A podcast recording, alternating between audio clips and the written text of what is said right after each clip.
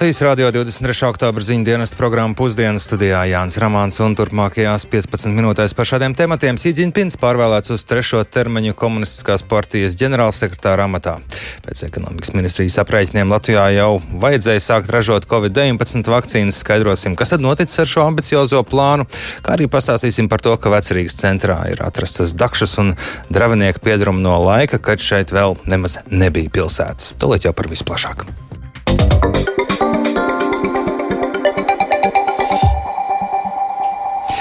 Ķīnas prezidents Sīdziņpins šodien pārvēlēts uz trešo termiņu komunistiskās partijas ģenerālsekretāra amatā, un Ķīnā sestdien noslēdzās valdošās komunistiskās partijas nedēļa ilgušais kongress, kurā pieņemti partijas konstitūcijas grozījumi, kas ļauj Sī turpināt vadīt valsti arī trešo amata termiņu. Reti kuram Sī pārvēlēšana ir pārsteigums, un šādu notikumu gaitu pirms kongresa paredzēja daudzi plašāk stāsta Rihards Plūme.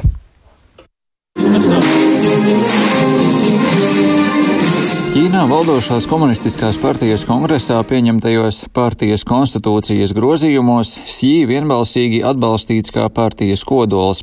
Tas tiek pamatots ar Sī panākumiem, stiprinot valsts armiju un ekonomiku, kā arī partijas autoritāti. Partijas jaunā centrāla komiteja savā pirmajā plenāra sēdē 69 gadus veco Sī pārvēlējusi uz vēl vienu piecu gadu termiņu. Komisija ar pārvēlēšanu uz trešo termiņu jau apsveikuši Krievijas un Ziemeļkorejas līderi. Nākamos piecus gadus partijas vadībā nebūs pašreizējais Ķīnas premjerministrs Līkets Jans, kura vārds nav starp ievēlētajiem partijas centrālās komitejas locekļiem. Martā valdības sēdēs plānots paziņot nākamo valsts prezidentu, kas visticamāk būs Xi.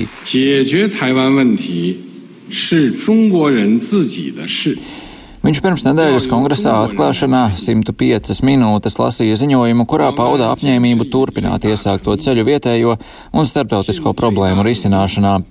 Aktuāla problēma Ķīnai ir Taivānas jautājums. Sī pagājušo svētdienu atklājot kongresu kārtējo reizi uzsvēra Pekinas nostāju Taivānas jautājumā, norādot, ka sala ir Ķīnas teritorijas sastāvdaļa un ka tās atgūšanai netiek izslēgta arī militāra spēka pielietošana.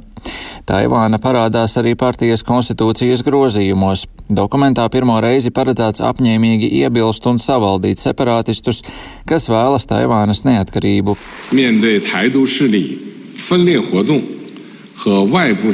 Saskaroties ar Taivānas neatkarības spēku separātiskajām aktivitātēm un nopietnējām ārējo spēku provokācijām, iejaucoties Taivānas iekšējās lietās, mēs esam apņēmīgi uzsākuši cīņu ar separātiskumu un iejaukšanos, demonstrējot savu spēcīgo apņēmību un spēju aizsargāt nacionālo suverenitāti un teritoriālo integritāti, nostājoties pret Taivānas neatkarību.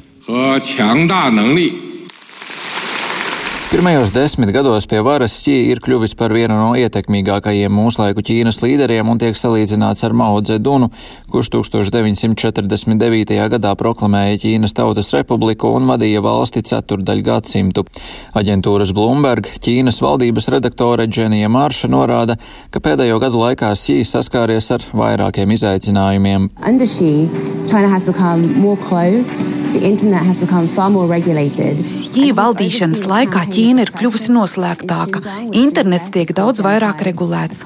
Viņš ir saskāries ar pārmetumiem par apspiešanu Sinzjanas provincē, ko ASV ir nodēvējis par genocīdu. Viņš ir apspiedis brīvības Hongkongā un izvērsis spiedienu pret Taivānu. Tas viss iedragājas attiecības ar rietumiem, un viņa Covid-19 politika, kas sākotnēji bija ļoti veiksmīga mirstības apturēšanā, tagad Ķīnas ekonomikai sagādā problēmas. Tikmēr Sjau Cians, tīmekļa vietnes China Digital Times galvenais redaktors, partijas kongresu saskata kā sī varas zenītu. Sjau ieskatā sī būs jāsaskaras ar potenciālu opozīciju dažādos sabiedrības slāņos, galvenokārt Ķīnas elitē. Redaktora ieskatā sī kļūst par arvien ietekmīgāku, bet tajā pašā laikā ievērojami nedrošāku Ķīnas diktatoru. Rihards Plūme, Latvijas radio.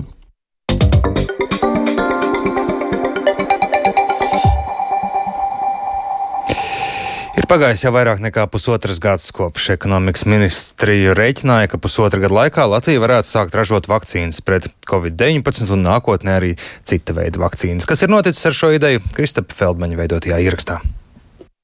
2021. gada 15. martā Eiropas komisijas iekšējā tirgus komisārs Thierry Bretons tikās ar tā brīža ekonomikas ministru Jānu Vitsenbergu, kurš tolaik pārstāvēja KPVLV, bet šobrīd Nacionālo apvienību.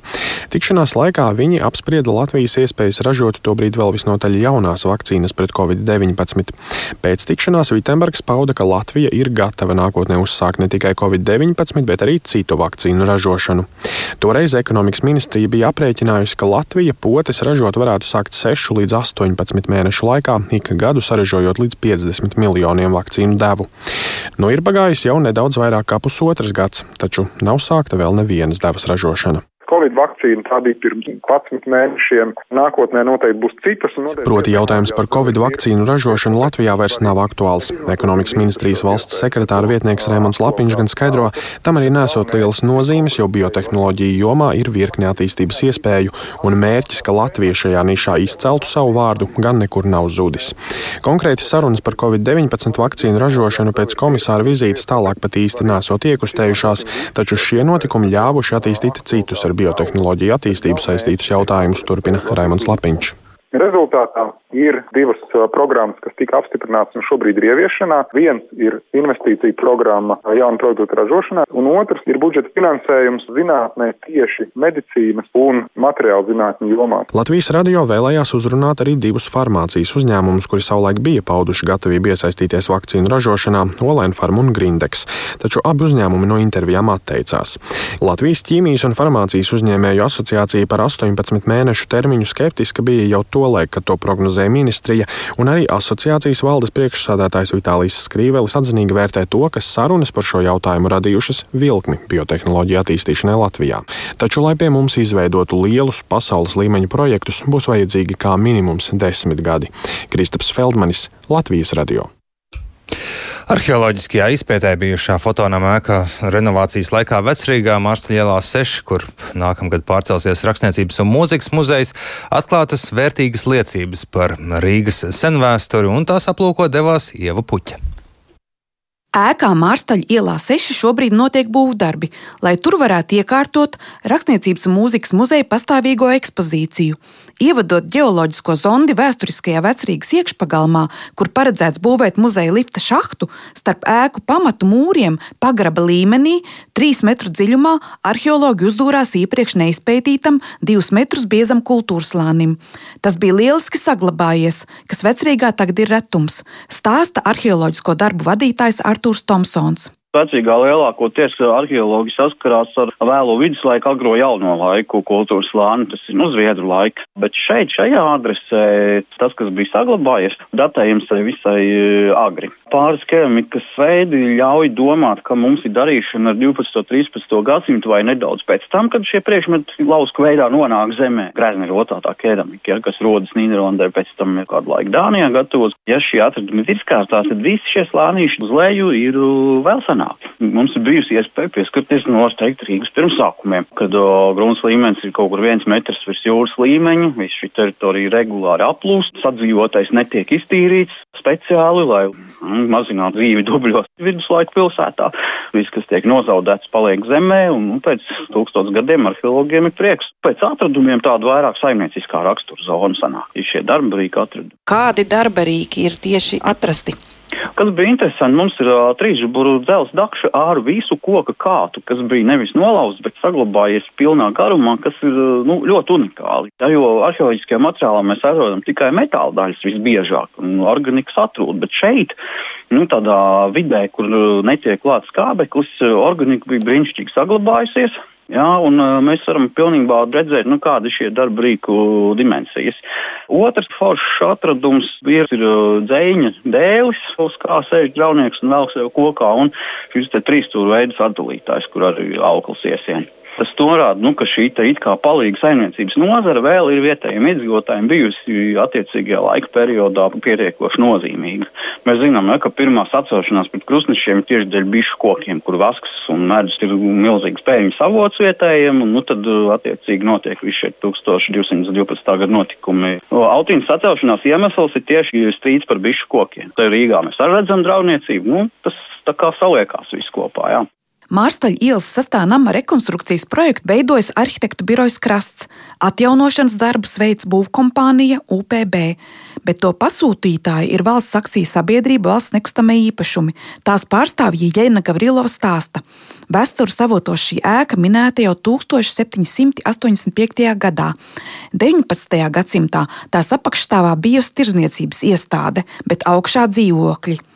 Kopš 20. gadsimta celtne pildīja sabiedriskās funkcijas. Tie atradās arī Rīgas fotonams, bet pirms pandēmijas telpas iznomāja viesnīcai.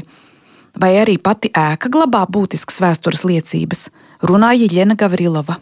Tas ir izcils baroka klasicisma laikmetā būves piemineklis, un planojums ir saglabājis no 1905. gada greznais ar rokoko detaļām veidotas portāls ir valsts nozīmes mākslas piemineklis attiec 1823. gadu. Un fasāde ir trīs logu asis, un tā vēl pēc viduslaiku pilsētas kvartālu veidošanas sistēmas orientēt uz galveno ielu, bet faktiski tas ēkas galvenais, visgalvenais būvāpjums ir paslēpts kvartāla iekšpusē. Un, līdz mūsdienām ir saglabājis arī galvenās fasādes pirmā stāva veidojums, kas bija pārbūvēts 1905. gadā. Rīgas arhitekta Vilhelma Boksklāfa projekta. Un tad, protams, mēs meklējam risinājumus, lai to vēsturisko mantojumu, kas jāiet robežās integrētu jaunā telpu veido. Paredzams, ka nākamā gada otrajā pusē šeit durvis vērs ne tikai rakstniecības un mūzikas muzeja pastāvīgā ekspozīcija, bet arī izstāžu zāle un labiekārtots pagalms radošiem pasākumiem. Toties vērtīgie arheoloģiskie atradumi jau ir nonākuši Rīgas vēstures un kuģniecības muzejā. Ieva Puķa, Latvijas radio.